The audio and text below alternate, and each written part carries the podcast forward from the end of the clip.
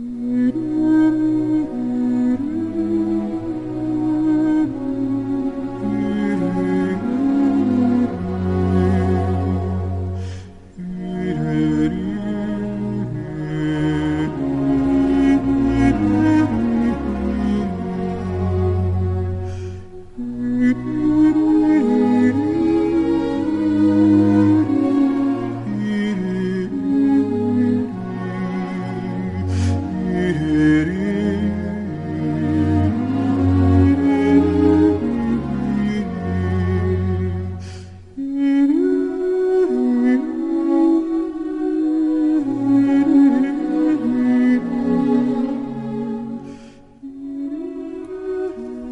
Goeienaand en baie welkom by Fashion Klank.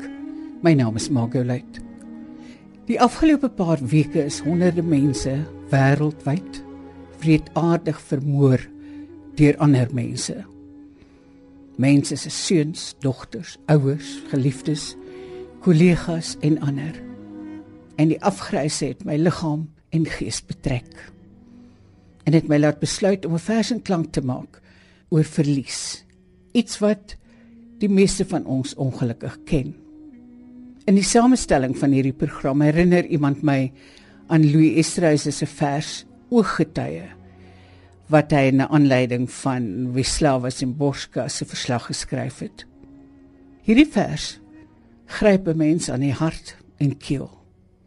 Dit is asof dit vir verlede week geskryf is. Ooggetuie na aanleiding van Wisława Szymborska se verslag. Reën vlek donker plasse straat af. Die ligte streep oor motorruite voor die restaurant geparkeer. Die muuroorlosie gryp na 11 minute oor 8. Die bom is gestel vir 20 oor. Nog 9 minute genoeg tyd vir sommige om vry te spring en ander om na binne te gaan. Galant hou 'n man in swart pak 'n motordeur oop vir sy vrou. Onder 'n sambreel vlug hulle na binne. 13 minute spring verby. Ses jong mense bondel luidrugtig na buite. Hulle groet en vier vertrek. Twee loop weer terug na binne. Die meisie half teesinnig, haastig om te gaan. 4 minute voor die bom. 'n Bedelaar by die kar keer iemand voor. Nog 3 minute. Hulle stap hom verby. Kom vies oor die straat. Loop teen aan my verby. 2 minute 50 sekondes. Voor die restaurant kom 'n motor tot stilstand. Die passasier klim uit, gesels deur die venster. 'n Bus kruip tussen ons verby. Die motor glip weg.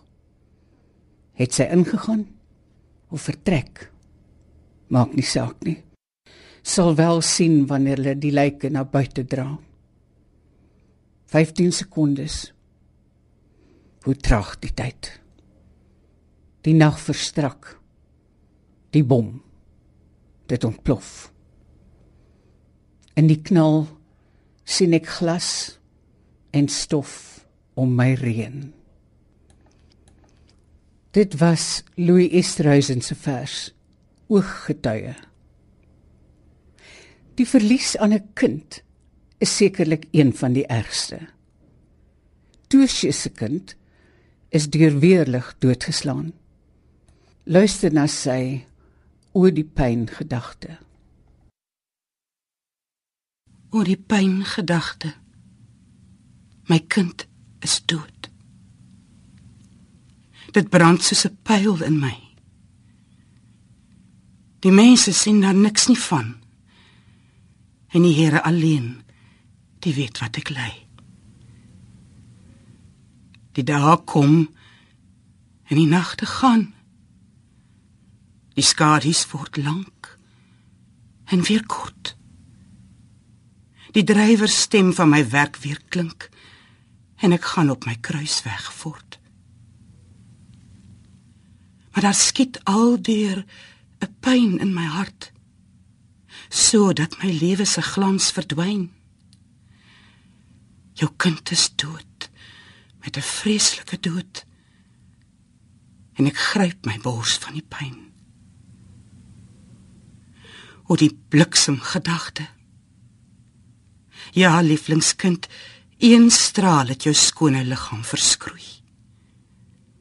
Maar bliksemstrale sonder taal laat my binneste brand en bloei. Sy was so teer soos 'n vlindertjie. Sy het lugtig omheen geswerf. 'n Asempie wind kon haar vlekkies breek. En kyk, watter dood moes sy sterf. Hoe weinig die kinders wat so moet sterf. Dis een uit die 10000 tal. En ag, dat dit sy was. En ek moes sien dat sy dood in my arms val oor die pyn gedagte. My kind is dood. Dit brand soos 'n pyl in my. Die mense die sien daar niks nie van. En die Here alleen, die weet wat ek ly. Juanita Swanepoel het vir ons Tosius se vers oor die pyn gedagte voorgeles om 'n ma af te staan aan die dood is in baie gevalle en die meeste gevalle vermoed ek soos om die wortels uit die grond te trek. Kom ons luister na twee verse wat Ronalda Eskamfer geskryf het na haar ma se dood. Na my ma se dood het net die klein dinge verander. Eers het die hekke afgeval. Die gras het dood gegaan. Die plante het ophou groei. Die vensterbanke het wit geword. Ek en my suster maak elke dag die kombuis skoon, maar dit bly vuil. My suster se seentjie van 2 se tande het vrot begin raak. My pa probeer hard te goeie ma wees. Hy koop gereeld 'n klomp groente, maar niemand maak meer kos nie. Ek dra my ma se trouringe, maar dit maak my vingers verskriklik seer. En ook getreide kamper. As 'n ma weggaan, los sy 'n gat in die son. Alles word stil. Haar reuk, stem en smaak hang in die lug. Elke aand soek ek haar voete wat sleep in die gang, maar al wat ek kry is 'n stem in my kop wat oor en oor herhaal: Mamy is weg. Mamy is weg. Dan word die winter vir my nog kouer en donkerder en die wêreld leer, want as 'n ma weggaan, los sy 'n gat in die maan.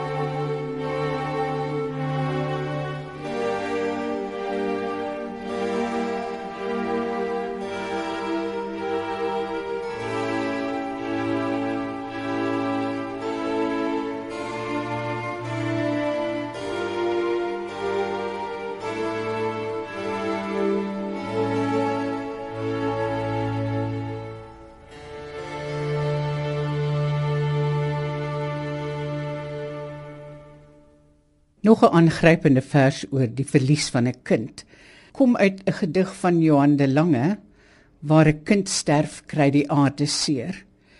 Juanita Swanepoel gaan vir ons 'n gedeelte daarvan lees. Waar 'n kind sterf kry die aarde seer.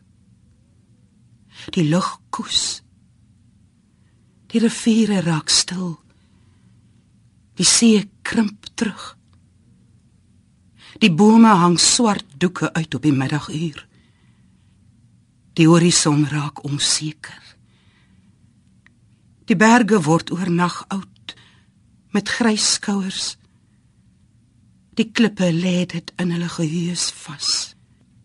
En die son val gewond in sy skaduwee.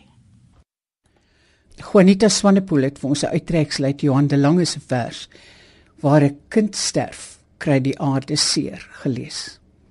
Ons gaan nou luister na 'n voorlesing deur Nick de Jager van Breiten Breitenberg se vers Die uitstrooiing van die as. Hy dra dit op aan Basjan wat 'n broer van hom was. Ek wou vir jou vertel die maan fakkel weer wit soos 'n skild helder oor dag bo klipkaal heuwels en dat dit nooit ophou nie dat die moetse nog met die eerste en laaste lig sy vlerkslae in die Boekkaap sing omdat daar steeds blindes is wat met posduwe boer. En partykeer reën dit skielike mantels sodat jy niks behalwe vervloeiing deur die ruitte kan sien nie. En dat dit vir ewig aanhou, wou ek vir jou sê. Ek wou nog vir jou sê wanneer ons jou as na die heuwel neem, is dit 'n skoon en bodemlose dag met 'n hemel wat blou van wind is en bergkettinge as gebulte drome. Dit hou vir ewig aan. Enkele wolkies lê op sy gevlei aan die bergkleed, soos diensmaagde in wit sondagrokke met gestyselde linte. En dink miskien nie daaraan dat môre wasdag is nie. Ek wou nog vir jou sê, die winter gaan wyd en stil wees. Dit hou vir ewig aan dat daar klaar knypie sneeu teen die hange blink. Net soos ons wat oud is, ook maar die gesigte poeier om die krakies koue te verdoesel. En daar is nog nie waterblommetjies bloei in die damme nie. Maar dit sal kom. Want alles hou vir ewig aan. En dat dit 'n ontroerende lykewaak was. Die bossie proteas voor jou voete op die tafel dat jou broers en suster mooi van jou gepraat het. Dit wou ek nog vir jou sê. Dat ons jou as toe uitgestrooi het oor die ouers se graf, grys en greinerig. Dat 'n vaal wolkie so groot soos 'n man se hand weggewaai is oor die naburige veld. Maar dat voels dit nie sal eet en mure nie hoetjies daarvan sal kan maak vir hulle nagmaaldienste nie. Dat jy van hier 'n baas se uitsig het oor die see in die verte. Al lê die berge reg rondom nog so blou. Dit hou vir ewig aan. Hier sê ek dit vir jou nou, op 'n stoep wat kyk oor 'n dag sonder ophou. Terwyl seemeeue kantel en skree langs die rotse waar branders wit klots. In 'n kookstertjie rondom my tafel wip met glinsterende oogies, asof hy iets te sê sou hê van die as oor die papier. Nik de Jager het vir ons Breiten Breitenberg se vers die uitstrooiing van die as gelees.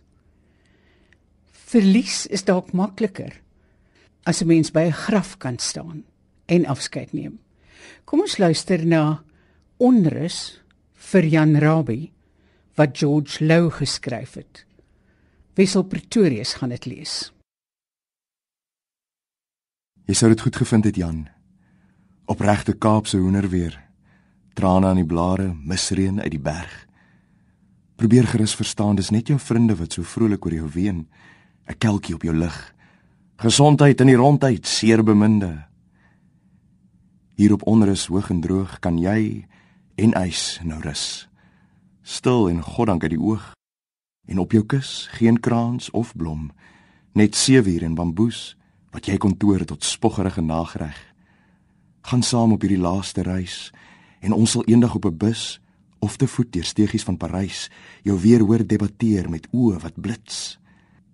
Later by 'n tafel en 'n glasie wyn bly die onrus nie te min. Wie luister nog? En wie gee om? Dit was onrus van George Lou. Ons gaan afsluit met 'n vers van Wilma Stokenstroom waarin sy daarop wys dat dit genoeg is om te gelewe het en 'n mens te gewees het. daarmee saam as mens vreedsaam kon sterf. Dis die wreedheid, die afgryse van die onlangse moord wat so ontstellend is. Wilma Stokenstroom se vers, dit is genoeg. En Juanita Swanepoel gaan dit vir ons voorlees. Dit is genoeg om te gelewe het eenmaal. Eenmaal in eenmaligheid van kromosome wel te bestaan het van kroon tot toon. Genoeg om te gelewe het vol ontsluit ook net eenmaal. Genoeg om dalk vreedsaam in 'n stille bemoeiing met die eenmaligheid van doodgaan dalk te kan dink. Ek was eenmaal. Eenmaal was ek 'n mens